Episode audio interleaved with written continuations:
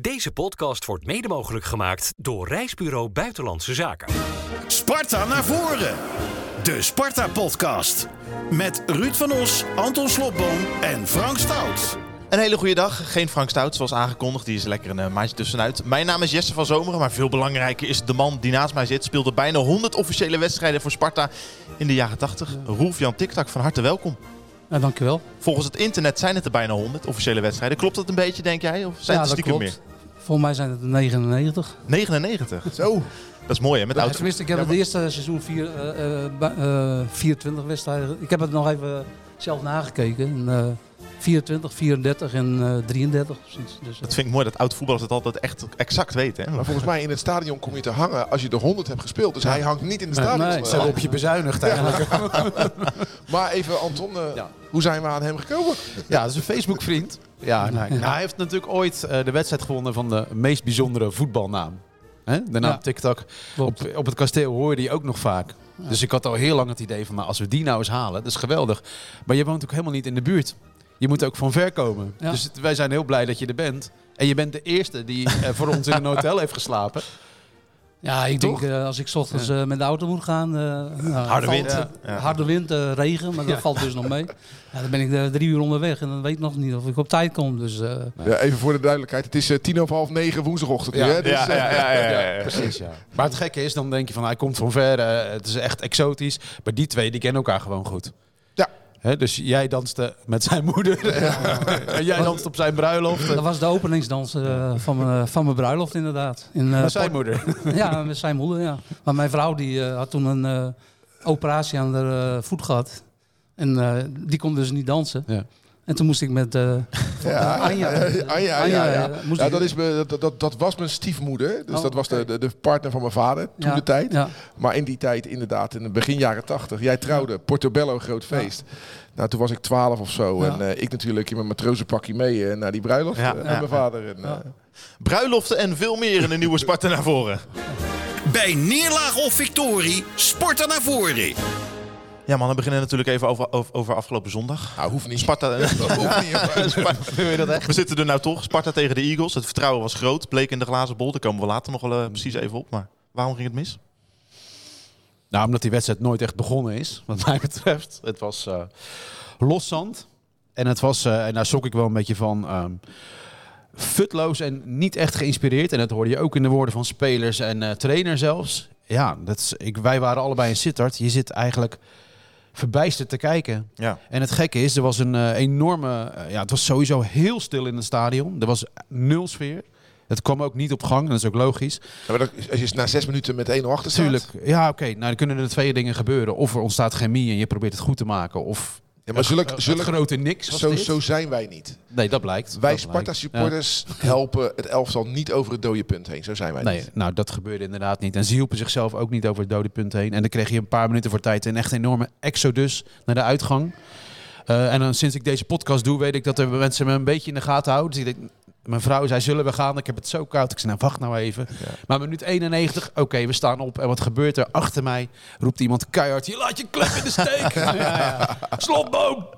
Maar eh, dat heb ik niet gedaan. Ik, Nee. We komen daar al zo lang, we blijven komen. Maar dit was echt eh, ja, alsof je verf zag drogen. ja. Is het extra zuur omdat je nu juist echt even stevig beslag had kunnen leggen op Ja. die zesde plek?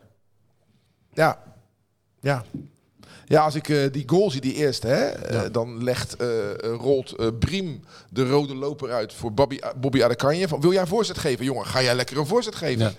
En Meijsen laat, of is het Veldhuis, een van de twee, ik ben even nu kwijt. Meisje. Eh, laat de, dus een van de centrale verdedigers laat de, ja, de aanvallen van... eh, van eh, Ja, Kitolano gaf aan, aan de verdedigers aan van pak hem over. Ja. Maar dat, dat Ja, ging dat niet helemaal niet. eh, goed. Dat Nee. gebeurde niet. Het was echt een rode loper verhaal. En eh, ja. daar sta je 1-0 achter na zes minuten. Inderdaad, dan slaat Ja. het eh, dood in een stadion als bier in een, eh, in een glas Ja. waar ooit Chocomon heeft gezeten. Weet je wel, het, Ja. het is... eh, en dan is het gewoon helemaal niks meer. Ik heb me Nee. stierlijk zitten vervelen voor de buis. Nou, wij dachten ook van als je dit op tv ziet, dan eh Ja. Hè, dat aantal gelukkig- schoten dat ver overging en naast. En gelukkig speelde Feyenoord. Matig. kon ik een beetje zappen nog. eh, daar was Ja. het wat wel spannender. Maar ik vond het niet... eh, ik vond het heel vervelend. Dat is voor jou ook zielig, want jij hebt het dan weer wel een keer gekeken nu. Ah, ik kijk meestal wel, eh, maar ik, eh, ik doe eigenlijk hetzelfde. Ik zit eh, meestal heel veel te zeppen. Want, eh, heel veel wedstrijden kan ik niet helemaal eh, meer uitkijken. Nee. Dus eh, nou, dan zit je Feyenoord te kijken. Dan zit je even... eh eh, heet die? Mathieu van der Poel te kijken nog eventjes. Ook aardig. Dat was wel goed. Ja, dat, was, dat was wel leuk. Ja. En eh, ja, zo kijk ik de laatste tijd een beetje voetbal. Want eh, ja, ik vind, ook bij AZ waar ik dan eh, regelmatig nog kom, eh, ja, het ziet er niet echt eh, uit. Het is niet spectaculair, zeg maar. Nee. Maar stilletjes doet Sparta wel echt eh, aan een negatieve vorm van klantenbinding. Want dit seizoen, als je een seizoenkaart hebt, je bent net nieuw. Zo goed is het allemaal niet. En zo sfeervol was het ook niet. Dus Nee, Ruud, jij, stuurde, jij stuurde een opvallend staartje door. Dat Sparta dit seizoen in uitwedstrijden gemiddeld 1,8 punt per wedstrijd pakt. En thuis is dat er slechts 1. Dat is wel echt een krankzinnig Ja. verschil. Maar leg jij dat nou eens uit, want wij zijn geen profvoetballer geweest. Wat is nou het verschil in gevoel tussen uit- en thuiswedstrijden? Want, want eh, het veld is even groot. Ja. Ja, dat is, eh, Is het 11 tegen 11? Dat is heel moeilijk uit te leggen. Ja, het is toch het publiek waarschijnlijk. En dat, misschien dat je toch eh, in een thuiswedstrijd nog even weer wat meer eh, ja, fanatiek bent, zeg maar. En, eh, ja, maar bij ons is het van 100% andersom. is het 110%. Ja, maar bij ons is het andersom. Maar het ligt ook een beetje aan de stijl van voetbal. Eh, kijk, eh, Sparta vind ik hem. eh, ik- ze doen me nu een beetje denken aan, eh, aan mijn tijd. Eh, wij hadden op een bepaald moment eh, heeft de laatste man de bal. Of de keeper bij, eh, bij Sparta, uh, Olij, die heeft heel vaak de bal. En die geeft altijd een hoge bal eh, eh, naar uh. Lauritsen. Ja. En die houdt die bal eh, bij zich en dan eh, gaan ze voetballen. En eh, dat, dat doen ze dus in uitwedstrijden. Is het even wat makkelijker af, afwachten en dan die lange bal. En dan eruit komen, denk ik zelf. Ja, dus, normaal, beetje- dus normaal gesproken is het omdat de, de thuisploeg het spel maakt. En Ja. daar is Sparta dit seizoen niet zo goed in. Nee. En in uitwedstrijden hoeven wij dat niet. Ja. En dan eh, moet Ja. Fortuna het doen. En die kunnen het ook niet zo goed. En daar profiteren wij dan van. Ja. En dan is Laurits ineens een hele goede spits. Op een Ja. zaterdagavond in Sittard. Ja. Maar op een zondagmiddag op het kasteel zeggen we allemaal... Nou, voor Ja. een diep. Maar dit was vorig seizoen toch ook al, die lange bal op Lauwitsen onder Stijn. En toen werd er wel heel veel thuis gewonnen. Ja, Ja, maar ze, ze wijt het aan de tegenstander die zich meer ingraaft hè, nu. Dat is het aloude verhaal van het eerste seizoen doe je het goed. En het seizoen daarna dan eh, weten ze allemaal waar, ze rekening mee moeten houden. Alleen, we zitten nu in februari. We hebben er gewoon geen antwoord op. Want weet je nog, Almere City... Hè, Ja. Pastoor had ons helemaal in de gaten. Nu hadden we het wapen Mito. Nou, is totaal uitgeschakeld. En in de eerste thuiswedstrijd die we hebben... Nou, het was echt zielig. We hebben die hele jongen niet gezien. maar jij zegt vorig seizoen. Maar vorig seizoen hadden we toch een betere ploeg. Nee, tuurlijk, maar de tactiek was toen in principe hetzelfde. toch lange bal op eh, we kunnen diezelfde tactiek hanteren. En dat wij met z'n elf op het veld gaan staan. Maar dan verliezen we toch? Het gaat toch ook om de kwaliteit. Ja, Dat is een beetje hetzelfde als eh, Ja. AZ natuurlijk. Die, eh, Daar verwachten ze ook alles van. En die, die doen ook vier eh, hele goede spelers eh, zijn verdwenen. En Ja. dan, eh, dan ziet het er ook veel slechter uit. Maar als het achterin wankelt, zoals bij ons, want dat deed het echt, het piept en het kraakt. Ja, dan heb je op het middenveld en voorin ook minder vertrouwen. Dat zag je ook, toch? Nou ja, kijk, je wat ik geen al eerder heb gezegd. Je moet mensen tijd geven om Ja. op een bepaald niveau te komen.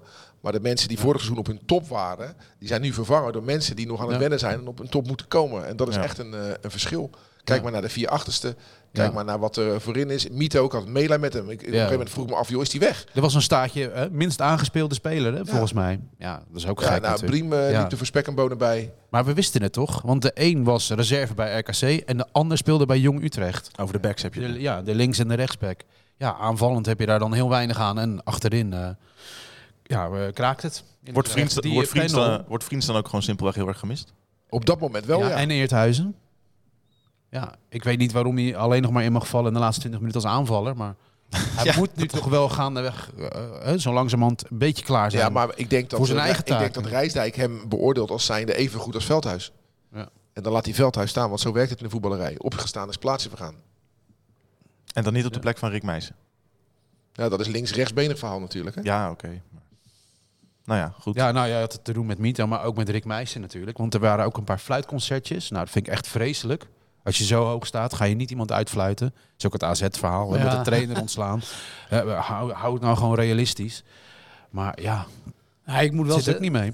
Ja, ik heb natuurlijk heel lang geleden eh, gevoetbald bij Sparta. ook maar toen was het publiek een stuk eh, negatiever als, eh, als nu hoor. Echt Maar waar? toen, toen- ja, maar toen waren het er zo weinig. Toen hoorde je ze ook heel goed, denk ik. Eh, als ze, als ze, als ze, als ze plaardenlul tegen je zeiden. Sowieso was het Nederlands voetbal wat veel minder publiek inderdaad. Maar ik vind het eh, publiek bij, echt bij alle ploegen vind ik echt, eh, als ik, eh, echt positief eh, vergeleken met eh, mijn tijd. ja. Maar in jouw tijd was er echt geen reden om te fluiten, want toen ging het zo goed met Sparta. Nou, De eerste jaar dat ik kwam, eh, hebben we volgens mij de eerste zes wedstrijden hadden we volgens mij één punt. En toen heeft uh, Barry Hughes uh, heeft dik, dik advocaat gehaald en, uh, ja, en Wim Subi dan. Nou, die heeft nog drie wedstrijden gespeeld. Dat, dat was het niet helemaal, maar met hoe heet het, Dick erbij. Ja, toen ging het pas lopen. Dat is toch die legendarische elftalfoto waar Dick achteraan staat en op Ja. zijn tenen staat. Hè? Ja, ja, ja. ja, ja. Nou, dat was het tweede seizoen. Dat was, eh het eerste seizoen was nog met Ruud Geels. En eh, ja, toen de tweede helft van het seizoen eh, van de Gaip en Geels, die, eh, ja, die maakte alle goals op dat moment. En toen werd eh, Ruud die werd zelfs nog topscorer van Nederland. Ja, maar dat is echt een ongelooflijk lijstje. hè. Jouw eerste seizoen bij Sparta, ik had het even op een rijtje gezet. Je noemde zelf al Wim Suurbier en Dick Advocaat en Ruud Geels. eh, René van der Grijp, Louis van Gaal. Dat was echt een ploeg. Ja, drie bondscoaches hadden uh, Ja. Dick Advocaat, eh, Van Gaal en eh, eh, Danny Blind. Ook nog, ja. ja, Danny ja, Blind ja. was ook... eh, ja, dat was... eh, ja, was gewoon een heel goede ploeg en ook een heel eh, leuke ploeg. En eh, het tweede jaar eh, ging Ruud weg. En toen kwam eh, David eh, helemaal tot... eh, Loggie. David Logge, die kwam helemaal tot, eh, Ja. tot bloei. Die moeten we ook een keer uitnodigen trouwens hier. eh. Ja, die moet ook van ver komen. Ja. Ja, die woont ook. Ja, die, woont nog verder. had hij niet mee kunnen rijden. Die jij- woont- die weten nu eh, Julianendorp. Dus dat is bij eh, Den Helder. Dus, eh, Oh jee, oh jee. Nou ja, maar we wat is weten, dat we toch weten nu goed nee, maar wat is dat toch? Jullie blijven allemaal in dat Noord-Holland hangen. Dat, eh, het woont, eh, ja, ik kom uit Groningen, maar daar zou ik nooit meer, eh, daar zou ik echt niet meer heen willen. Maar ja, eh, Noord-Holland is gewoon leuk om te, eh, ja, om te wonen. Maar hoe was dat dan voor jou? Want dan, met, dat zeg ik dan echt met grootste respect. Hè? Je bent iemand niet uit de Randstad. Dus eh, ze zeggen, dan kom jij bij Sparta, bij Van der Gijp en Ja. Knuiten. Dan ben jij voor hen toch het boertje van Buten. Ja, maar dat viel heel erg mee. maar nee, was, eh, die doet het wel net of die eh, toen al een passetje was. En dat was hij ook wel een beetje, maar hij was niet zo bij de hand als dat hij nu allemaal is. Hoor. Dat, dat, dat valt heus wel mee. Ze moesten hem echt nog, een dik advocaat, eh, ehm, hoe heet dat, en nog een paar van die gasten, Vergaal en zo, die moesten hem echt nog wel begeleiden. Jij bent je carrière natuurlijk begonnen bij Veendam. Heb je ja- jarenlang gespeeld. Ja. Toen Sparta, toen AZ, toen weer Sparta, toen weer AZ geloof ik. Ja. Heb je nog een beetje een Sparta-hart of is het vooral een AZ-hart? Nee, ook een Sparta had. Eigenlijk, eh, mijn mooiste voetbaltijd heb ik eh, bij Sparta gehad. Je eerste periode. Ja, eerste periode. Ja. Wat de tweede het? periode was, eh, ja, toen was wel de legendarische wedstrijd tegen Hamburger SV natuurlijk. Maar toen had eh, Theo uh, van me opeens eh, wissel gezet. Dus eh, Ja, het was wel een heel... eh, Daar gaan we ja, het niet over hebben. ja, wel, maar eh, Die beelden van de overwinning in Hamburg, daar hebben we het wel regelmatig over. Dan hebben we het over Bas van Noordwijk, dan hebben we het over Charles van der Stenen. Ja. En, en ja. wat ik van je, je ziet jou lopen richting het uitvak, maar Ja. in een trainingspak. Oftewel dat je Ja. zat op de bank. Je Ja. bent niet ingevallen ook, hè? Nee. De thuiswedstrijd had ik wel meegedaan. En eh, uit stond ik opeens wissel. En dan volgens mij eh, kwam René Eijer erin, als ik, als ik het goed heb. Maar, Maar weet ik niet zeker. je hebt het wel meegevierd, want tegenwoordig heb je dan spelers die dan eh, ook weigeren Nou ja, mee te vieren. Als je die beelden ziet, dan eh, zie je mij. eh, shock ik was niet sne- Nee, ik was de eerste bij, bij Bassi, geloof Ja, ik. Dus eh, toen was ik opeens heel snel, blijkbaar. Ja, ja. Dus dat wel. Maar ja, tegen München Gladbach heb je wel meer meegedaan, toch? Meer minuten gemaakt. ja, en toen heb ik eh, alle tweede wedstrijden meegedaan. Ja. Maar je pendelde tussen AZ en Sparta, maar AZ in die tijd was groter dan Sparta? Je bent, je bent Nou. verhuurd aan Sparta, toch? Nee, Ja. ik, ik speelde bij Sparta. En, eh, het tweede jaar had ik een heel goed seizoen. En toen werd ik eh, gevraagd door AZ. Eh, die waren net kampioen, of een jaar daarvoor kampioen geworden. En op het moment dat ik tekende, gingen er nog vijf man weg. Dus opeens hadden we een heel nieuw elftal. Dus zes, zeven nieuwe spelers van de kampioenselftal, zeg maar. En, eh, dus het was niet eh, groter meer als eh, Sparta. Het was een beetje hetzelfde niveau. Ja. En daarna is AZ heel langzaam weggezakt natuurlijk. Ja, want AZ was net kampioen geworden. Een paar seizoenen eerder toen jij daar kwam. Maar in jouw eerste seizoen daar werden ze elfde. Ja. Ik kan me voorstellen dat je toen een beetje spijt had. Want Sparta deed het toen beter. Ja. Ah, spijt. eh, Nou, dat kan je nooit hebben. Eh, Ten eerste... eh, hij is helemaal stuk Hey, gegaan. luister, de- hij kreeg geld van de molenaars. Dus daar geen spijt ja, dat wou net zeggen. Da- Daarvoor ben ik eigenlijk heen gegaan. Floor Bauer of van molenaar, dat is wel een verschilletje. nou, ik kan wel een mooi verhaal vertellen over Floor Bauer. Dat ik van Veendam naar Sparta ging. Had ik een contractbespreking, of tenminste een bespreking met Floor Bauer. Nou, ik denk, eh, nu gaat het gebeuren. En toen komt hij met een eh, voorstel. Dat was nog slechter dan bij Veendam. nou, daar verdien ik al niet zoveel. Dus die, eh, mijn zaakwaarnemer, Rolf Oostinga, die is later ook bij de VVCS gekomen. Ja, die denkt bij zichzelf, wat is dit nou? Dus die gaat een bedrag noemen. Dat sloeg helemaal nergens op. En Floor, die vond het ook, of meneer Bouwer vond het ook nergens op slaan. Dus die sloeg stijl achterover en die wees ons direct de deur. Hij zegt wegwezen van, als je met dit soort voorstellen komt. Wat voor bedragen gaat het dan over? Nou, dat weet ik niet meer precies, maar dat, eh, in verhouding met nu eh, daar stelt het er helemaal niks voor. Dat eh, een paar duizend eh, gulden. Dus eh, ja, dat, dat, dat, eh, als je dat nu zegt, dan eh, gaat iedereen heel hard lachen. Ja. Maar toen later eh, kwam ik thuis en eh, de eerste wat eh, belde Barry Hughes direct weer op. Ja, ja dat is, het is niet helemaal goed gegaan en uh, kom er weer terug. Die moest bemiddelen. Weer, Ja, die drie, moest weer, er drie, weer. weer drie uur rijden? Nou, toen, toen moest ik helemaal uit Oost-Groningen komen. Dus dan, Ja. ja, dan is het inderdaad bijna drie uur rijden. Ja, en toen is het allemaal rondgekomen. Maar eh, Waarom wilde Sparta jou graag hebben? ja, dat, eh, ik, bij Veendam eh, kwam ik een bepaald moment in eh Jong Oranje eh, terecht. Heb ik een paar wedstrijden, heb ik het beroemde toernooi van eh, Toulon heb ik, eh, gespeeld. Dus 89 dan? Nee, dat klopt niet. Nee, later, sorry. Nee, begin jaren Ja, 80. tuurlijk. 79. 79. 79. Zat ik, eh, of 78 zat ik in Jong Oranje. En in die tijd was het nog zo dat eh, de scouting was, eh, ja, was echt eh, dramatisch. Toen kon je jezelf nog op de transferlijst zetten. Ik wilde graag hogerop. Ik ben, ik ben bij een heel klein ploegje begonnen. Toen ben ik naar Veenam gegaan. omdat ik niet eens gescout was, maar ook omdat ik ja, hogerop wilde voetballen. Dus en toen is Barry Hughes wezen kijken, twee wedstrijden. Toen ben, tenminste, toen zou ik naar Beveren gaan in België. Dat was toen echt een topclub. En dat was, eh, maar dat ging op de een of andere manier ook niet door. Want uh, Ger Lagendijk, eh, dat was van de VVC's, die eh, ja, volgens mij speelde die toen een beetje een spelletje. En toen was Hughes te kijken en die, eh, ja, die, eh, die had ook een tip gehad via eh, Johan Derksen. Zo, zo, en zo ben ik eigenlijk bij, Kijk, eh, bij Sparta. eh, Dat zijn nog eens de verhalen. Ja, mooi Wij danken al onze spelers aan Hans Kraai en Johan Derksen. Dat is duidelijk. Maar Johan Derksen, eh, die, die, die heeft mij nog getraind. Dat ik eh, in de A1 zat van, eh, Oké. van Veendam, van Ja. eh Noord Amateurs, zeg maar. Maar net als wat je net zei over Van der Gijp, gold dat ook voor Derksen? Had hij toen ook nog niet een grote mond? Of toen ook al wel hij? Nou, toen wel. Ja, Derksen wel. Nou, ik weet niet of je interview in de VI kan herinneren. Dat, toen is hij weggeschopt uit Veendam. Hij was voetballer bij Veendam. En de eh, van eh, John eh Linsen junior, eh, die had een heel groot stuk geschreven. En, eh, heeft hij hem drie dagen meegenomen. Ze hebben ja, heel veel eh, eh, club, eh, clubs gezien eh, in het noordoosten van... ja, maar er waren geen voetbalclubs. er waren geen voetbalclubs. En toen, eh, ja, dat was echt een eh, interview waar, ja, waar ze niet zo blij mee waren. En toen is, eh, heeft Hughes hem eh, naar Haarlem gehaald. Was het wel een goede trainer, Derksen? Ja, heel fanatiek. Ah ja. Ja, en eh, ja, die verhalen eh, die hij nu ook eh, vertelt, die, die, ging die, ook, al, eh, die vertelde die ook al aan ons. Dus wij hingen aan zijn lippen natuurlijk. Je was er toen niet bij met die kaarsen, hè, hoop ik. Je zei net, eh, mijn eerste jaren bij Sparta, dat waren de mooiste jaren van mijn carrière. Ja, Waarom? nou ja, gewoon Sparta is gewoon, ja, gewoon een heel leuke, gezellige ploeg. Eh, ja, we hadden natuurlijk eh, Barry Hughes als trainer. Ja, dat, eh, ja, dan weet je niet wat je meemaakt. Het is een heel goede trainer, maar die man, die, eh, ja, dat is een entertainer. Dat eh, is echt niet normaal. We zaten in een trainingskamp eh, in Oostenrijk en hij gaat aan een lange tafel zitten. En hij zit gewoon twee uur achter elkaar zit die verhaal te vertellen. En er zitten Ruud Geels bij, Geert Meijer, Chris Dekker, al die gasten. En iedereen hangt aan zijn lippen. Ja, en dat soort dingen. En ja, voor de rest heb ik hier ook, ja, vooral het tweede jaar, wat net al gezegd werd.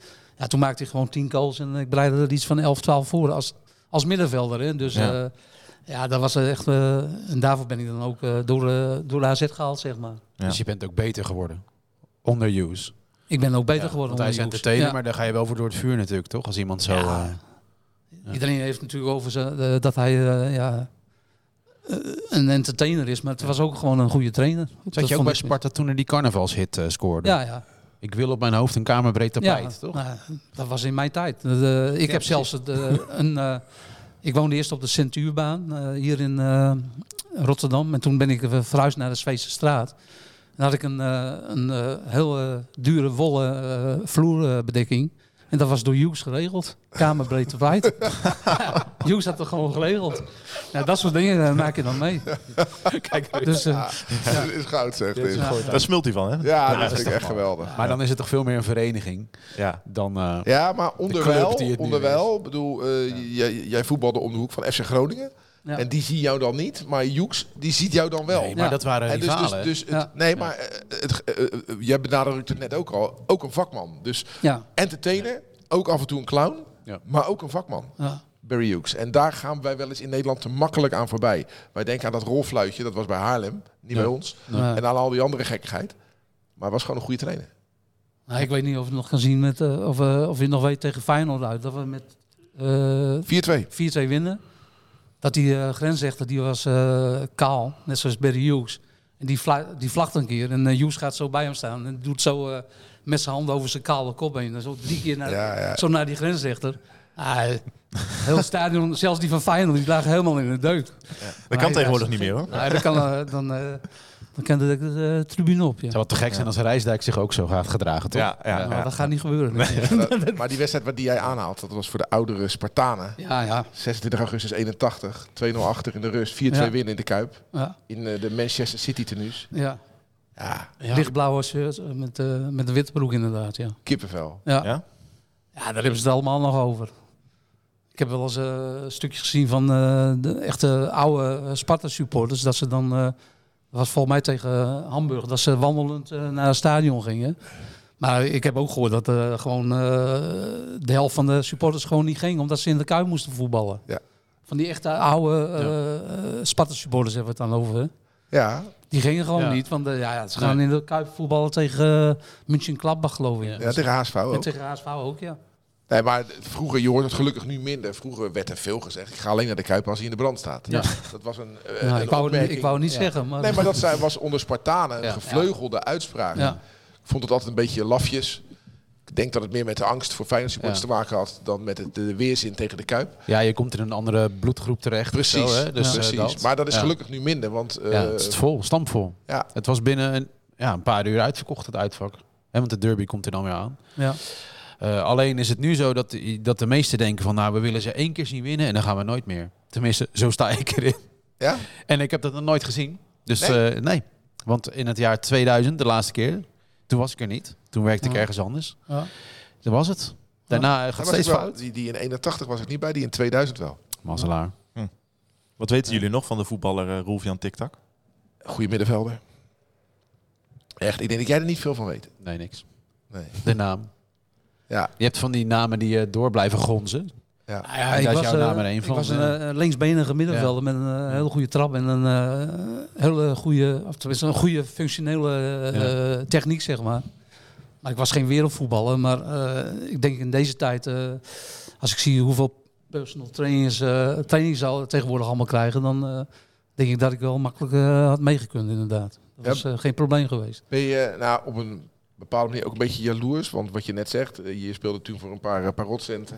En als je nu ziet, als je een bal recht vooruit kan trappen, dan eh, heb je een paar ton op je rekening. Ja, ja, dat klopt. Ja, jaloers wil niet zeggen, maar toch, soms denk je dat. Het wordt ook wel eens tegen me gezegd, hoor. Van, je had nu moeten voetballen. Maar ja, dat, dat was in mijn tijd ook al zo. Als wij het uh, Robin Mannetjes diner hadden, dan kwam. Eh Bosselaar die kwam bij ons en uh, tieners en die zegt van jullie verdienen veel te veel geld. Uh, in Ja, mijn ja. tijd was het helemaal niks. Ja, ja. Ja, Ja. Nou, we hadden het voor de wedstrijd even, voor de wedstrijd, voor de podcast even over mm, eh, met wie je allemaal gespeeld hebt. ja, En zijn er toch een hoop van overleden, zeg. Want je hebt natuurlijk met Aad Andriessen gespeeld. ja. Eh, Wout Holverda heb je meegespeeld. Ruud Geels. Best Ruud. Geels. Ruud Geels. ja, nog meer Pietje Wijnberg. Ja. Heb ik er nog mee Wijnberg is ook overleden. Is ook overleden. Dus Ja. Ja.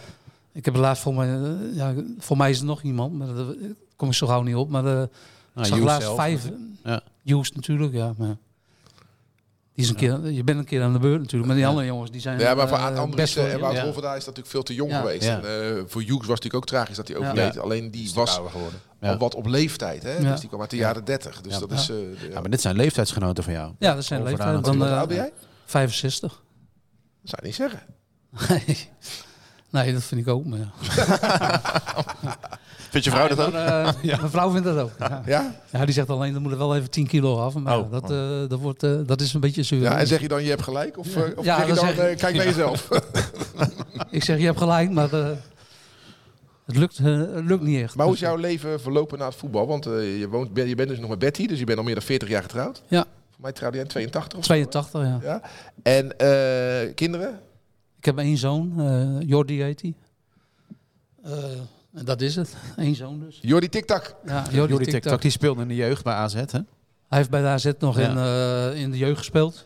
Twee jaar en toen eh, ja, werd hij eigenlijk afgewezen. En toen is hij nog naar Haarlem gegaan. En dat ging heel goed. Maar die gingen eh viert. En toen kon hij nog naar eh Volendam. Maar toen had hij, een beetje, had hij het wel een beetje gehad. En toen is hij eerst weer teruggegaan naar zijn oude ploeg in uh, Herengewaard.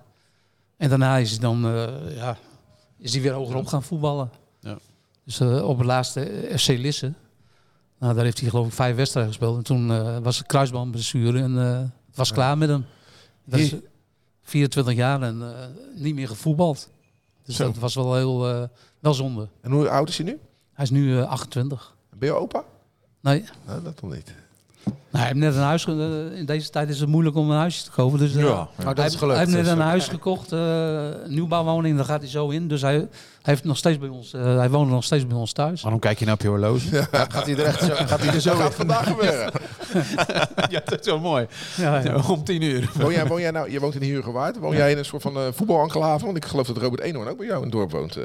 Nee, Robert eh, woont in Heilo volgens mij. Ja? Vroeger, eh, Dat is één pot nat voor Ruud. vroeger werden alle spelers, alle spelers van, eh, van eh, AZ die gingen naar Heergewaard toe. Klopt, want ik heb in het huis van eh, Peter Ressel gewoond. Oké. En alle spelers van Sparta in de jaren 80 die woonden in Oud-Martenesse. In de Zweedse straat, de Deense Ja, straat, ja. eh, de Finse straat. Ja. Ja, net zoals jij dus. Ik heb eerst in de centuurbaan bij, eh, ja. bij de familie Goosen. Misschien is die bekend. Een heel grote eh Sparta-supporter. En, eh, die heeft, eh, en da- daarna ben ik naar de Zweedse straat gegaan.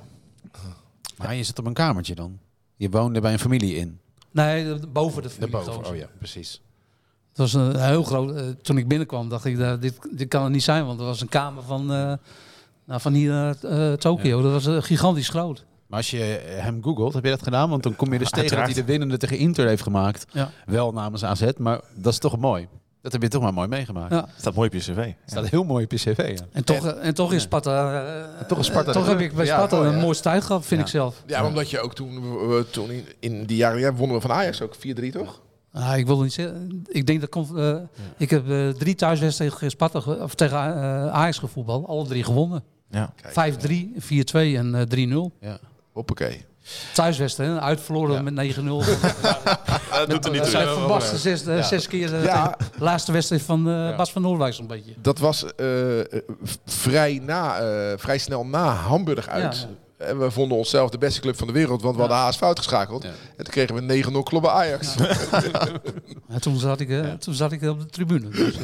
Ah, vandaar. Maar dat, volgens mij was dat eh, een van de laatste wedstrijden van Bas van Noordwijk. En toen kwam eh, Ed de Groei. Ja, want die zat in Hamburg op de bank. Hè? Ja, Echt Ja. goeie. Naast jou. Die zat naast mij. Ja. twee, twee moppersmurven. Ja.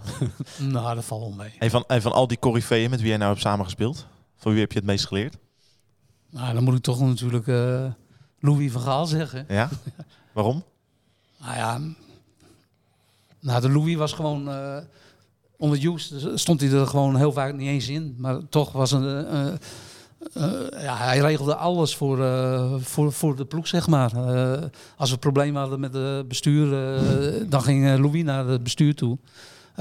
Ja, hij coachte natuurlijk in die tijd, als ik het over voetbal heb, ook al heel veel. En ja, daar, heb ik, daar hebben we veel van geleerd. En ik heb hem later nog als trainer gehad, natuurlijk bij AZ eventjes. Dat was zijn eerste klus, toch? Hij ging toen van Sparta naar AZ als speler en trainer van de twe- tweede elftal. Maar daar heeft hij geloof ik zes of zeven wedstrijden gespeeld en toen, eh, nou, dat ging niet, niet zo goed. En toen is hij ermee gestopt en toen, eh, ja, toen was hij fulltime trainer. En toen werd Hans Eikenbroek, die kreeg toen een, eh, ja, een attack of... en die, had, ja, die viel heel vaak weg. En toen heeft hij het overgenomen inderdaad. Dus dat was zijn eerste klus. En daarna is hij naar Ajax gegaan. Maar jij had toen al door, toen jij samenspeelde met Louis van Gaal, dit wordt wel een succesvolle trainer later. Ja, ik denk dat eh, ook de supporters dat iedereen eh, wel zag. Want eh, het was natuurlijk net een eh, politieagent op het veld. hij, gaf alleen, hij gaf echt heel veel aanwijzingen. Ja. Dus dat, eh, ik denk dat eh, als je dat niet zag, dan, eh, ja, dan heb je niet zoveel verstand van voetbal, denk ik. Komt het bekend voor, Ruud? Nou, het is, het is wel eh, wat hij zegt. eh, hij is natuurlijk een gigantisch goede trainer geworden. Alleen, ik vind het zo jammer dat dat een beetje gepaard is gegaan met wat, ja, wat gek gedrag. En eh, Louis van Gaal hoeft niet te vragen om erkenning. Hoeft niet uit te leggen hoe goed hij is, want dat weten we wel. En dat doet hij nu in, in, de, in de, de, de herfst van zijn leven. Doet hij dat wel heel erg. Hij hangt zo naar erkenning. Hij wil maar de grotere trainer zijn dan Cruijff. Dat is volgens mij zijn grote frustratie. Ja. En eh OW, als jij dat in twijfel trekt, nou, dan ben je echt, eh, lig je er gelijk uit bij hem. Hij schreeuwt overal. Eigenlijk een beetje van hou van mij. En dat werkt averechts. Hè? Dus, dus eh, als hij dan gaat roepen dat eh, Nederland eh, nooit van Argentinië kon winnen, want Messi moest wereldkampioen worden en zo. Ja, ja. Weet je, laat anderen dat zeggen. Dat, dat moet de bondscoach niet, eh, Nee. niet doen. En, eh, en hij slaat dan ook wel eens door. Ja. Want eh, hij gaat ook in zijn eigen sprookjes geloven dan. Want hij heeft tijdens de WK gezegd dat eh, hij een strafschopspecialist was. Want hij had gescoord tegen Dazaev Oh, ja. in de Europa Cup wedstrijd tegen Spartak Moskou. Nou, die miste die. Ja, maar ja, er was geen journalist die dat wist. Maar de Spartanen die naar die persconferentie zaten te kijken, dachten, ja dag, die heb je gewoon gemist. Maar ik vind het zo zonde. Dus het is een hele grote trainer. Het was voor Sparta een gouden voetballer en ik denk een gouden ploeggenoot. Maar laat anderen je complimenteren in plaats van dat je zelf gaat roepen hoe goed je bent. Ja, Maar dat is, dat ja. is heel apart aan hem. want, eh, privé is gewoon een eh, wereldgozer. Ja. Eh, Ja. hij heeft drie maanden bij ons thuis gewoond. Echt? Ja? Oh, In de Zweedse straat? Nee, Of boven Toen die speelde ik familie al bij? AZ. Oké. in een, eh, we hadden best wel groot huis. eh was van Peter Rest geweest. En hij ging zijn huis in eh Averhoorn. Dan ging hij helemaal eh, verbouwen. Dat duurde drie maanden. Dus hij met zijn vrouw en de twee kinderen eh, drie maanden bij ons thuis. Maar Fernanda, zijn eerste vrouw zeg maar. Ja, dat was gewoon een heel goede vriendin van, eh, van mijn vrouw. Dat zei En, eh, ja, toen was hij. Hij was natuurlijk. eh, wij waren ook de enige niet-familieleden die op zijn verjaardag kwamen. Ja. En ja, hij was natuurlijk altijd al een beetje. Toen was hij ook wel heel. eh, ja, naar zijn vrouw toe heel overheersend. Maar wel een heel Het aardige lijkt wel een feest als hij bij je woont. Ja. ja. die is gaan stofzuigen? ja, ja, ja, ja. Hebben, jullie, hebben jullie nog contact? Of? Nou, dat is een beetje verwaterd. eh. ik ben nog wel eh, naar Manchester United geweest via, via hem. Dat hij trainer was van de... eh, ja, dan regelt hij gewoon alles. En Betty, mijn vrouw, die is nog met een vriendin naar Barcelona geweest. Dan gaat hij gewoon drie dagen lang begeleidt hij haar dan overal naartoe en de gekste dingen. Maar ja, contact is wel wat minder geworden. Maar als je hem belt of weet ik veel, als je hem ziet, dan, Ja. nou, dan is het gewoon een, ja, gewoon een hartstikke leuke gozer. Ja, voor Sparta is hij wel een ambassadeur natuurlijk. Tuurlijk, hè? Ik snap jouw naam. theorie.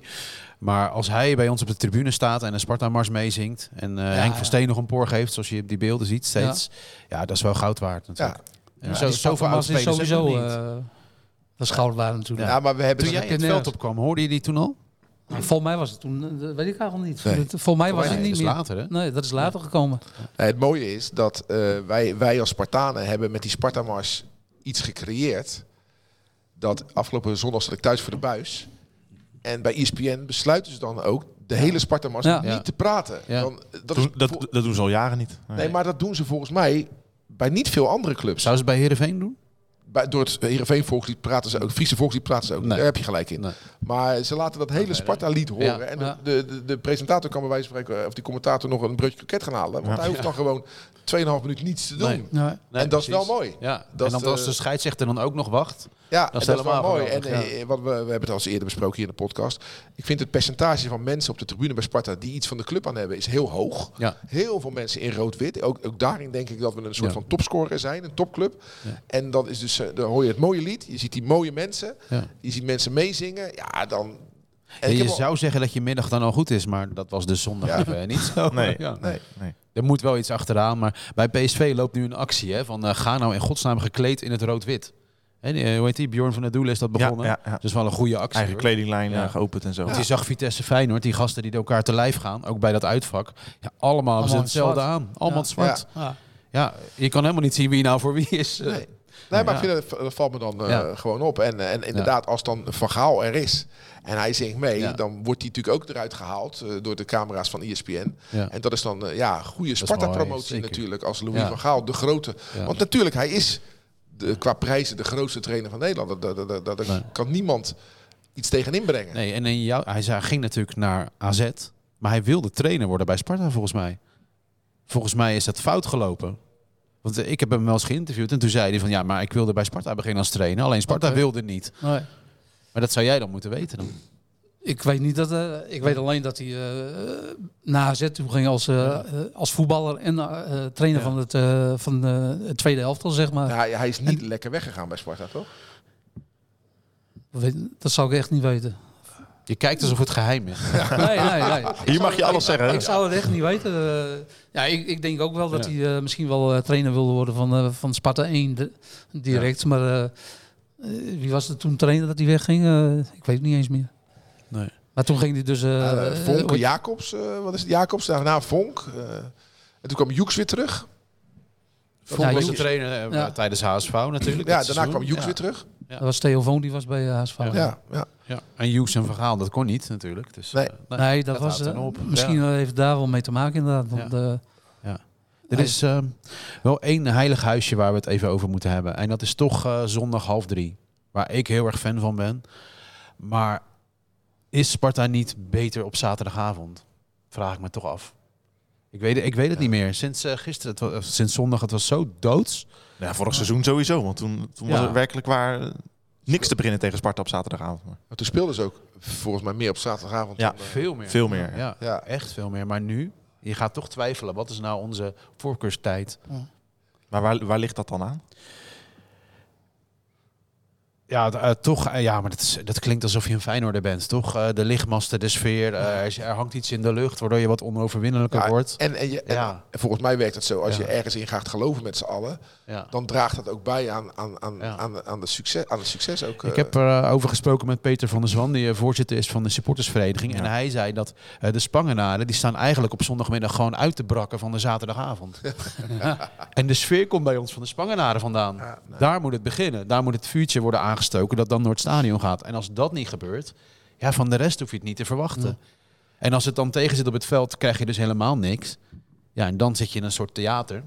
Ja, en, ja, eh, die tijden van tegenwoordig word je natuurlijk wel een beetje gek van. Ik bedoel, eh, zaterdagavond Ja. 9 uur. Fortuna zit daar Tegen- uit. Het was zaterdag om kwart voor vijf. Toch? Ja. Zeg ik dat goed? Half vijf. Half volgens mij. vijf, ja. Half vijf, ja. Hoe dan? Ja. Zaterdagavond eh, 9 uur tegen eh, Ja. Fortuna zit, zit dat of Ja. zoiets moet Ja. je spelen. Nee, maar wij hebben binnenkort bij Rijnmond een, een voetbaldag. Dan is om kwart over twaalf Excelsior. En om acht uur op zondagavond Feyenoord. En dan, eh, ja. Ja, dat klopt ja. Dus ja, ja. We hebben vorig seizoen een keer een uitzending gemaakt van 12 uur s middags Ja. tot 10 uur s avonds. Dat je om kwart over Ja. 12 volgens mij Sparta en dan om, eh, om half drie eh, Excelsior en om 8 uur nog Feyenoord of andersom of zo. Maar, Maar wij- zijn daar blij mee, toch?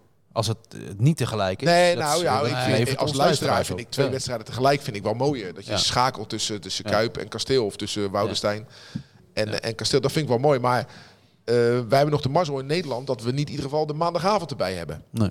Want dat is natuurlijk in andere landen wel. Eh, daar hebben ze, Italië. ook- hebben ze, ook- hebben ze Ja. Italië en Engeland. Hebben ze Ja. op maandagavond ook nog een, een, een, wedstrijd op het hoogste niveau. Dan heb je dus vrijdag, zaterdag, Ja. zondag en maandag. En bij ons Ja, daar, zijn de, daar zijn de Chris Woodsen van deze wereld eh, helemaal fan ja, van dus- ja, Ja. zeker. Maar voor een supporter maandagavond eh, kwart voor negen Ja. naar eh, Sparta Fortuna lijkt me... Maar de eerste was divisie wel even zo, toch? Ja, eerste divisie maar de. Eredivisie heeft het gedaan even, toch? Ja, ja, ja. Ja. We hebben wel meer dingen gedaan. Maar op we last hebben van de ja, kerst en alles. we hebben ook met kerst gevoetbald. Ja, zeker. ja. Oudjaarsdag zelfs een keer.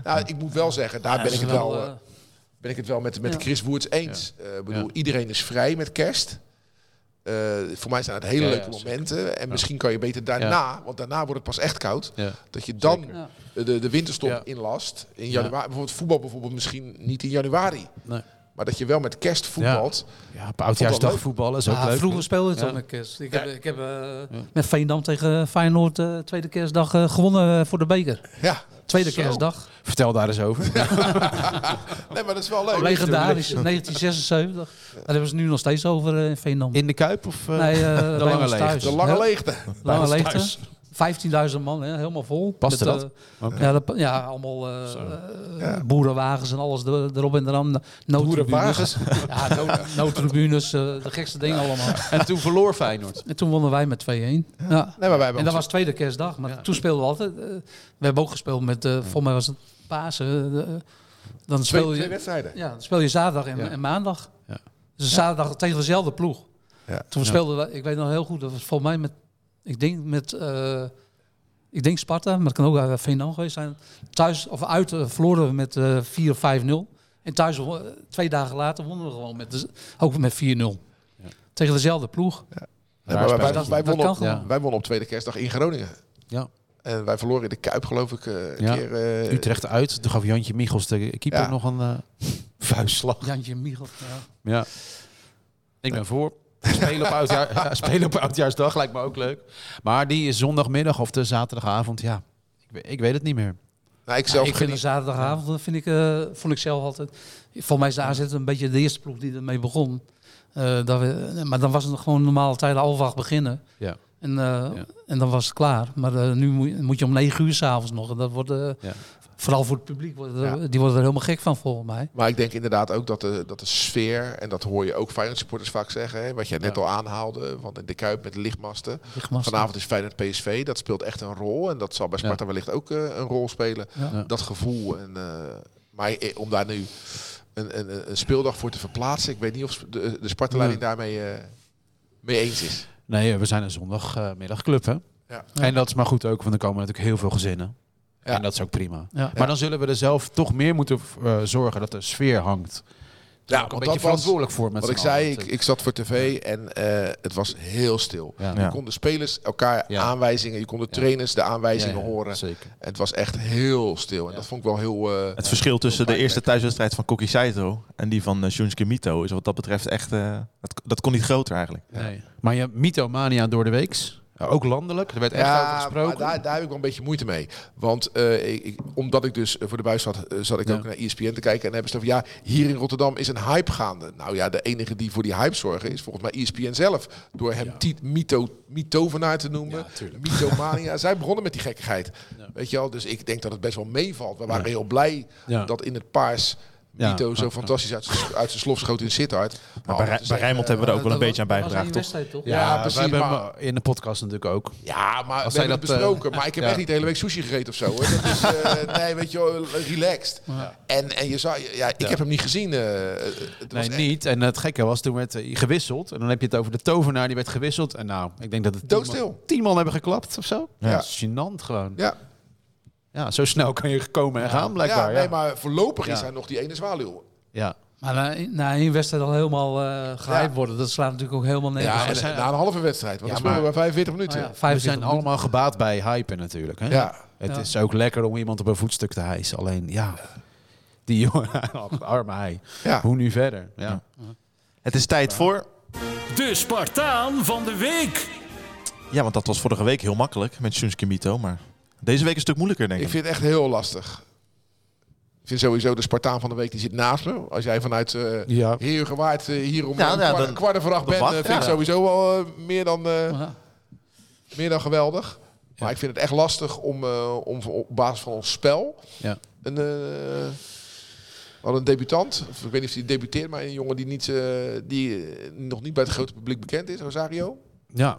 Veel in voor de geblesseerde Lauritsen. Ja. Ja, ja Lekker, was- lekker moment om in te vallen. weet, wat, weten we hoe ernstig de blessure van Laurits is? ja te zeggen, daar wordt niks over gezegd. Nee, geen idee. Oké. Die, wet van, die, die AVG-wet Ja. is natuurlijk goud voor voetbalclubs. Ja. Want dan kunnen ze lekker zwijgen. Ja. En ook daarmee de tegenstander niet wijzer maken. Nee. Want dat scheelt nogal of Sparta komend weekend met of zonder Zo. uh, Lauritsen speelt. Saito hebben we natuurlijk ook weken, zo niet maandenlang. eh, Ja. Ja, en Want de thuis Eerthuizen, die, die, Ja. en de Eerthuizen is een half jaar er aangekomen. Ja. Ja. precies. Die heeft er een half jaar tegenaan gezeten. Ja, dat een Ja. half jaar tegenaan. Ja. Ja, er is maar één iemand die dingen weet, dat is Hans Kroon. Nee, maar we vorige zitten, we week. zitten Ja. met, met, Ja. eh, met- we hopen natuurlijk op eh, Mi- Mito en Saito eh, tegelijk Ja. te zien spelen. En dan door de verhalen die je hoort, denk je van nou, misschien zit Saito op de bank en dan krijg je die opstelling. Ik keek zondag eerst naar de reserves Ja. om te kijken of Saito erbij zat. Ja. En dat was niet zo. Dus ja, weet je, ik weet het niet. Ik vind het echt lastig. En dan, dan zeg je toch gewoon Roelf Jan. Hè? Dan zeg je toch gewoon Roelf Jan, Spartaan van de Week. Ja, nou, voor wat mij betreft Ja. prima. Echt, eh, Ja. ja, zeg Als, als, Ja. zelfs, als zelfs Anton het niet weet, dan... eh, Nee, had zelfs Nou, niemand dood. Eh, er zijn er, de achterhoede werd uitgefloten en dat vond ik heel vervelend. En Rick Meijsen, die heeft ja, echt een jong ventje, zich Mhm. wel staande gehouden. Het was nu niet heel erg overtuigend, maar houdt zich staande. Dus dan is Rick Meijsen de Spartaan van de week voor mij. je gaat er maar aan staan in zo'n jong, in zo'n jong centrum. Ja, moet niet lekker zijn hoor. Als je gemor hoort achter je op de Dennis Neville. En dat, Ja. en dat was weer even wennen. Dat hebben we toch een paar jaar niet gehoord. Nee, maar als je ook met Ja. backs speelt die niet eh, de beste vorm van Nee. de wereld hebben en misschien Nee. ook niet de kwaliteit hebben, Ja. dan eh, is dat anders als dat je met Ja. Pinto en. Sambo. Ik vind wel dat laag opbouwen, hè, wat Olijs ook een paar keer liet doen. Waarom doe je dat als iedereen onzeker is achterin? Toch?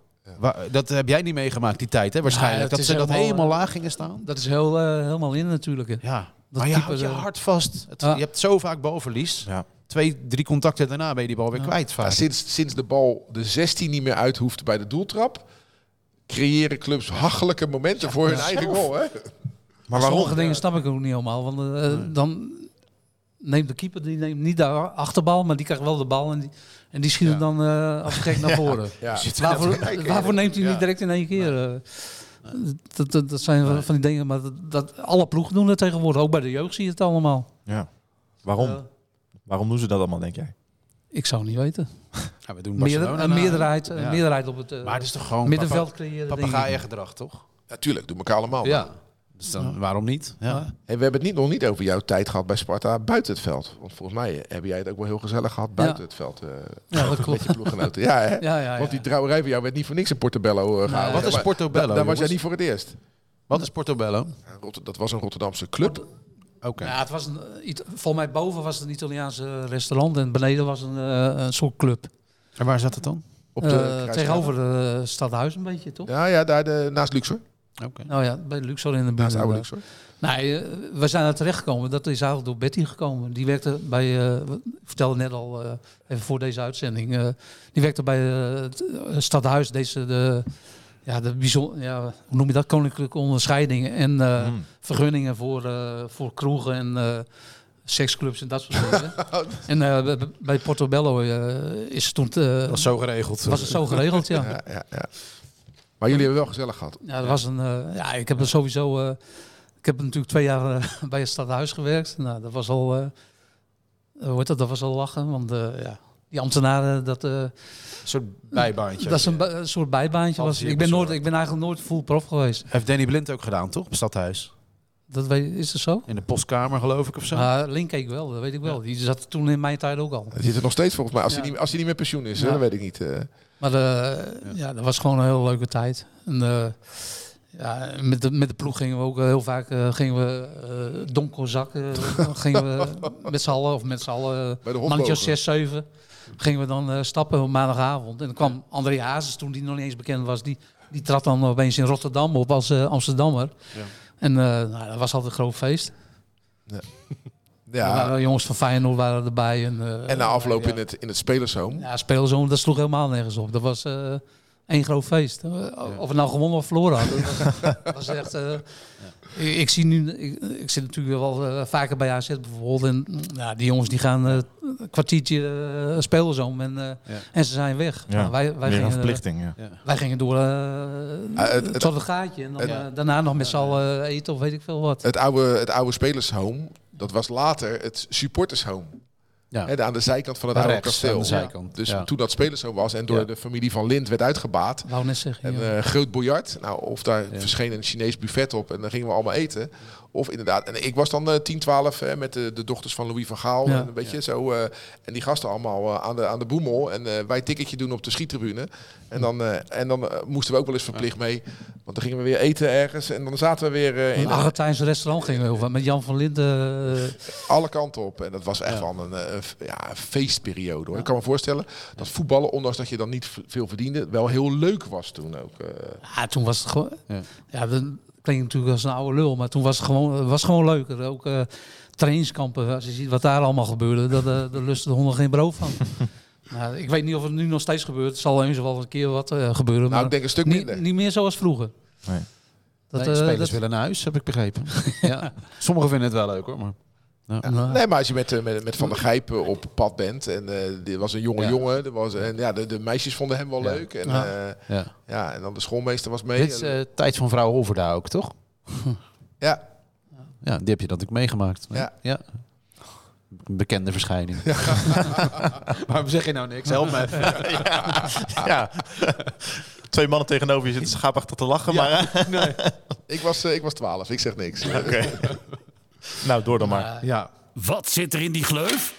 Tijd voor de post. Ja, weer eh, allerlei eh, post binnengekomen. We beginnen even met eh, Paul van Roon uit Den Haag. Al jarenlang seizoenkaarthouder op de Dennis Neffel. Die zegt, heren, ik heb een vraag voor in de podcast. In de interviews die Rijnmond altijd houdt met de trainer van Sparta, Jeroen Rijsdijk, komt het nooit de verdediging aan de orde. Niet in de vragen, nog in de antwoorden. Met name de zeer zwakke opbouw van achteruit zou wel eens besproken mogen worden. Balletje breed is het voortdurend. Wordt het niet eens tijd de trainer daarnaar te vragen? In de laatste wedstrijd thuis was het niet best om maar eens een understatement te- gebruiken. Ik ben benieuwd hoe de heren aan tafel in de podcast hierover denken. We hebben het er net even kort We over hebben het gehad. over gehad nu, hè? Ja. Dus, eh, Vind ik een hele goede vraag. ja, Ja. Nou, meegeven aan degene die eh, komend weekend verslag doet. Ja. Ja. Maar ja, dat is weer een ja. uitwedstrijd en dan zullen we wel weer winnen. Staat hij weer glimmend voor de camera. Ja, dan, heeft de, dan heeft de trainer gelijk. Ja. Maar deze dingen zie je eh, Ja. bij, bij AZ precies dezelfde vragen zie je terug. Want eh, daar is de opbouw ook heel slecht. Dan eh Ja. tikkie breed en zo. Dan wordt, iedereen wordt er helemaal gek van. Ja. En precies dezelfde vraag als dit eh, hoor je dan ook elke keer. Hoe, Ja. dat eh, opbouwen gewoon heel slecht is. Ja. En eh, Bruno Martins Indy, een ex International. international. Ja. Nou ja, de- iedereen, ik denk 80% eh, zoiets heeft van, eh, ja, die moet nog eens een keer gewisseld worden. Want opbouwend is het eh, heel weinig. Maar onze trainer die is natuurlijk net nieuw. Een beetje tegenwind. Hij moet wel begeleid worden, denk ik, in hoe die interviews gaan. Want na ADO uit in de beker gaf hij alle spelers er van langs. Terwijl Ja. je zelf ook Ja, verantwoordelijk maar daar, daar hebben we toch Fouke Boy voor? Ze- ja, Die heeft eh, Ja, een, miljoen- eigenlijk een miljoen jaar ervaring. Die zal best wel met hem Ja. na afloop daarover gesproken hebben. Hoor. ja. Hebben jullie het interview van Bukari nog meegekregen? Bij Rondo. Ja, bij Rondo, ja. Die vertelde dat hij te graag mee had gewild naar Ajax. eh. Ja, hij had dat- het zelfs gevraagd hè, Ja. aan Stijn. Heeft Ja. hij mee mocht naar Ajax. Ja. En de, de ar- argumentatie was, ja, ik heb ook mijn ambities. Ja, nou ja, logisch. ja. Ja, vind jij niet leuk om te horen natuurlijk. Nee, Nee, ik zie aan jou dat dat niet... eh, nee. Maar, nee, ja, maar dat gaf ook aan hoe rommelig die fase is geweest. Want Bukari wist pas heel laat dat Stijn met dat een vertrouwensband dat hij zelf weg zou gaan. ja, op de dag Ja. dat wij het Ja, hoorden, precies. eh, na Twente uit, Ja. hoorde Bukari het ook. eh. Zo verrast zijn we toen eh, geweest Ja. door het vertrek van Stijn. Ja. Maar ja, Stijn weet ook, en dat weet iedereen, hoe meer mensen je het vertelt, hoe groter de kans is op uitlekken. Ja. Dus het is logisch dat je het voor Ja, zelfs. Nijkamp wist het niet, volgens mij. Hè? Op die dag. Vermoedelijk. Nou, we zullen het nooit weten. Nee, we zullen het nooit weten. Eh, Mike van der Marel die had ook nog een eh, mailtje gestuurd. Mike van der Marel? Mike van der Marel, ja. Geen familie van, want, Van, ja, want Mark precies. is met dubbel A, geloof ik. En dit is met een enkele A. Ja, precies. Allereerst goed bezig. De Sparta-podcast staat wekelijks, wekelijks op. Nou, dankjewel Mike. Eh, sinds data zo'n grote rol speelt bij het aantrekken van spelers... is het misschien wel een leuk idee om eens iemand uit te nodigen van Opta... of een ander bedrijf dat data bijhoudt. Hoe kijken andere clubs tegen de statistieken van onze spelers aan? Zijn er uitschieters of misschien juist wel spelers die hele matige statistieken hebben? Lijkt me leuk als er eens ingedoken wordt. Ja, vind ik een goeie. Staan wij altijd voor open natuurlijk. Ja, zeker. Ja. We hebben één zo'n aflevering gehad, hè? Met Jesper Gudde. Met, ja. Ja. Dus eh, de best Maar dat- bekeken aflevering Maar dat was vanuit, vanuit Sparta-oogpunt Ja. gekeken. Maar wat, wat hier nu voorgesteld wordt, Ja, ja, is om eens een buitenstaander met data als, Graag. als specialisatie te Ja. laten kijken. Ja, vind ik geen gek idee. Ja, dan beginnen we bij de verdediging. Gaan we eens de verdediging Ja, doorlichten. Hoe zit dat nou? Ja. Ja. Die heeft promotie gemaakt, hè, Jesper Gudde. Die is nu technisch manager. Ja, dat, maar dat was een Maar- formele kwestie, ja. toch? Eh, om, om deuren te openen Ja. in het buitenland. Ja, dan staat er wat anders op zijn eh, visitekaart en dan kan je wat Ja, makkelijker precies. aan die tafel zitten. Ja, en ja. ik had het idee dat we hem aan boord willen houden. Ja, Dus je Ja. moet wel. prima. Ja. We hadden het al een paar keer over Hans Kroon, die hier natuurlijk vorige week zat. Nou, Sjaak Groeneveld die wilde daar ook even wat over zeggen. Deze man, Hans Kroon, is wel eh, heel erg vol van zichzelf. Trekt impliciet alle successen naar zich toe. Alsof hij de wijsheid in pacht heeft en alle andere betrokkenen rond sportbegeleiding in het algemeen. En die bij Sparta in het bijzonder maar sukkels zijn. Ik denk dat de objectieve waarheid iets anders ligt. En Nijkamp bij Kroon op audiëntie, kom op, waar zijn we beland? Vergeet niet dat Nijkamp de echte motor achter ons succes is. En dat in hem de grootste transfervrees huist. Verder ging Sparta naar voren veel over Kroon. Jammer, ik miste jullie echt kritische noot. Komt misschien, en daar komt het, omdat hij een persoonlijke vriend is van Ruud van Os. Mijn verzoek, please, niet doen. Blijf je opstellen als journalist, niet als volger van een goeroe. Daar wil je- daar wil jij wel op- daar wil jij wel op reageren. A, eh, een persoonlijke vriend. Hans Kroon is geen persoonlijke vriend van mij. Het is gewoon een bekende uit de voetbalwereld voor mij. Waar ik 36 jaar geleden mee te maken heb gehad en sindsdien tegen ben gekomen. Dat is één. Twee, ik denk dat we genoeg hebben gezegd en eh, op zijn bordje hebben gelegd van over hoe wij het zien. En daarbij, hij zat hier helemaal niet met de wijsheid in pacht. Hij vertelt hoe hij het ziet. En eh, kijk, we, de Sjaak heeft er een beetje moeite mee, maar andere sporten zijn beter ontwikkeld dan voetbal. En dat, dat onderschreef eh, Hans hier. Judoka's, noem ze allemaal maar, eh boksers, wokkiers, volleyballers, die trainen al jaren innovatiever dan, dan voetballers. En hij ondervindt dat aan de lijve. Sterker nog, hij is daarbij betrokken. Ja. En eh, ja, ik vind het goed. En eh, we hebben niet gezegd dat Nijkamp op audiëntie moet bij... eh, bij eh, Nee, het is allemaal wat gechargeerd. Dat. Wij hebben gezegd dat het vreemd is dat hij vier basisspelers Ja. traint en dat er geen contact is tussen Sparta en de trainer van vier basisspelers. Dus een belletje van Nijkamp richting, eh richting Kroon zou niet gek zijn. Dat is Nee. wat anders dan audiëntie.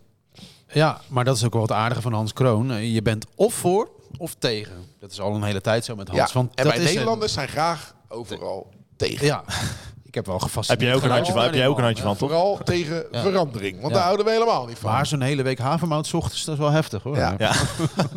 Ik nokte weer mee. Nee, maar de Oh, jij bent er nu mee bezig dus. de kroketten van Van Hanegem, daar word je, ga je niet beter van voetballen. Nee, precies. Ja. Ehm, onze Frank die stuurde nog wat door vanuit eh, Zuid-Afrika. Het houdt hem natuurlijk bezig, de Sparta-podcast. Snap ik ook allemaal wel. Toch een beetje een kindje. Ehm, die stuurde door dat de afgelopen zondag ruim 100 Westlandse ondernemers te gast waren op het kasteel voor de Westlandse Ondernemersdag. Zo. Wilde hij als Westlander natuurlijk Ja, toch even aan de aandacht brengen. Ja, We weten Ja. niet of ze terugkomen, maar... Nee. Ja, misschien kunnen die Westlanders met elkaar even bespreken dat ze toch akkoord gaan met die spreidingswet. Maar dat is een andere. Dat was Ja, een dat is, andere een, podcast, oh, dat is een ander verhaal. We gaan snel ik, door. kreeg, ik kreeg een foto. ik kreeg een foto. Ik kreeg een foto van Frank uit Zuid-Afrika. En eh, want hij staat op vakantie met zijn gezin. En hij was trots op zijn dochtertje Lot, die in het zand op het strand Ja. het woord Ondo schreef. Ja.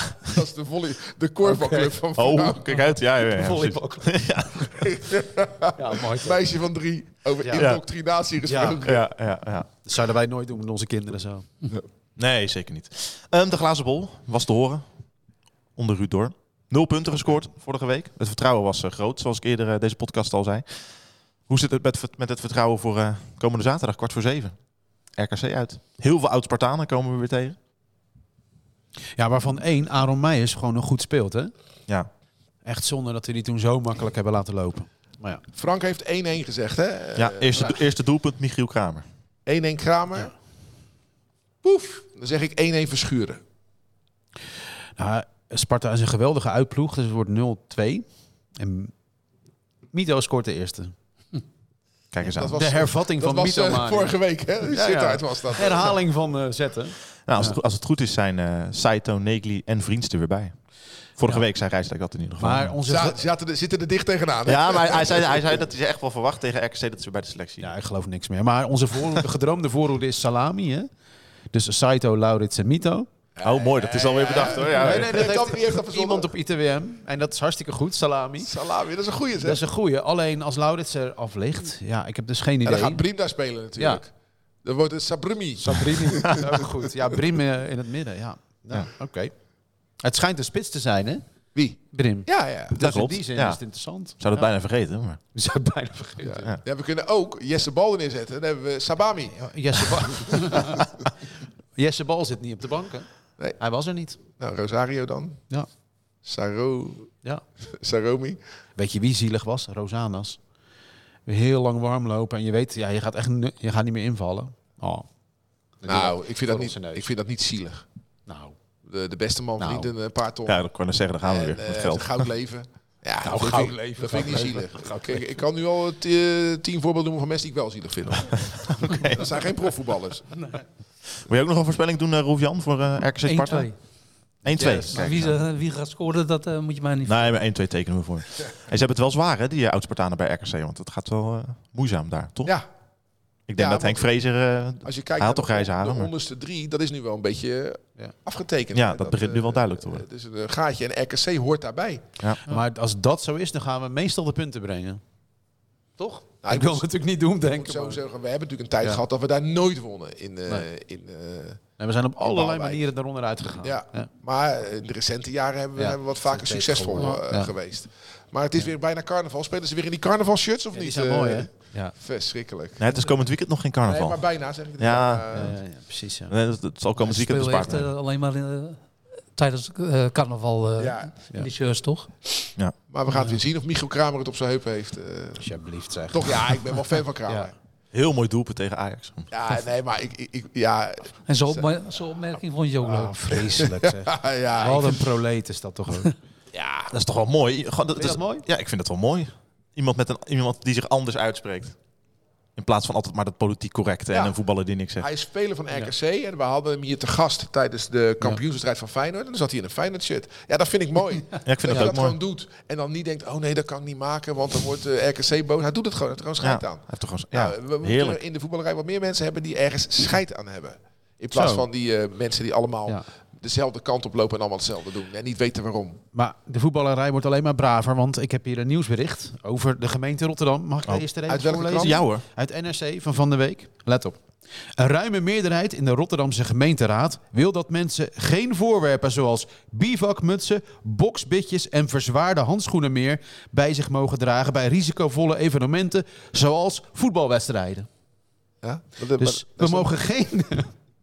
Je mag niet eens met een bivakmuts meer mee naar het stadion. Nou ja. dat is toch prima? Doe je toch gewoon, doe je toch gewoon een eh, mooie eh, normale muts op? Ja, nou kom op zeg. Boksbeugel meenemen. Hè, v- jij vindt dat jammer dat Nee, je eh, boksbeugel niet kan verbaast me dat ze het hierover hebben. Ja.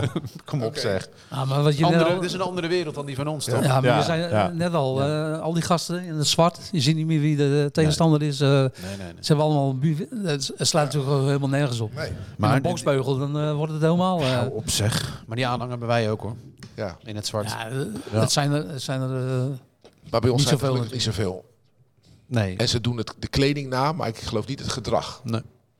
Tenminste, dat hoop ik. nou, Hey, wij wensen Ruud Ammerlaan natuurlijk heel veel succes. Die gaat komende zaterdag van eh, Ja, Sparta naar RKC lopen. 75 kilometer. Ik sprak hem nog even gisteren. Streefbedrag 5000 euro. Hij staat nu al eh, boven de 4500. Dus dat gaat hij, dat gaat hij halen natuurlijk. Ga even naar actievoorkika.nl en dan eh, zoek je op eh, Rudy Ammerlaan en dan kan je nog eh, doneren. Zou ik iedereen aanbevelen. Hebben jullie al lang gedaan, mag ik hopen. Ik heb nog niet gedoneerd, nee. Nou, je hebt nog eventjes Daarom. tot en met zaterdag. Rolf Jan, superleuk dat je er was. Hartstikke bedankt. Goed was aan, leuk. Goed aan Betty. Ja, dat zal ik doen. Nog aan het werk vandaag? Nou, dat niet. Ga je weer naar het hotel zeker? eh, ik ben 65, hè, dus dan... eh, Ah, je ik, zit nog in de verzekering, hè? ik zit in de verzekering en eh, ik werk een dagje minder nu. Dus ik ben eh, nog, Woensdag. niet, nog niet met pensioen. vandaag. en de woensdag... eh, Dus je kunt weer terug naar je hotel. Hè? nee, dat, Je hoeft pas om 11 uur uit te checken. Dus eh, lekker in het bedje liggen nog even. Heerlijk. Rolf Jan bedankt. Oké. Anton bedankt. Ruud bedankt. Komende zaterdag eh, zijn we er weer op de radio natuurlijk rond de RKC eh, Sparta. Uitzending begint om eh, 6 uur en eh, die wedstrijd gaan we natuurlijk helemaal live verslaan. Begint om kwart voor zeven. En dan eh, gaan we daar, eh, daarna een FC Rijnmond heel terugblikken. En eh, is er volgende week weer een eh, nieuwe Sparta naar voren. Bedankt voor het kijken naar deze op deze woensdag. En eh, tot volgende week. Als Spartaan zijn wij geboren, als Spartanen sterven wij. In de geest van Bok de Korver Sparta naar voren! Deze podcast werd mede mogelijk gemaakt door Reisbureau Buitenlandse Zaken.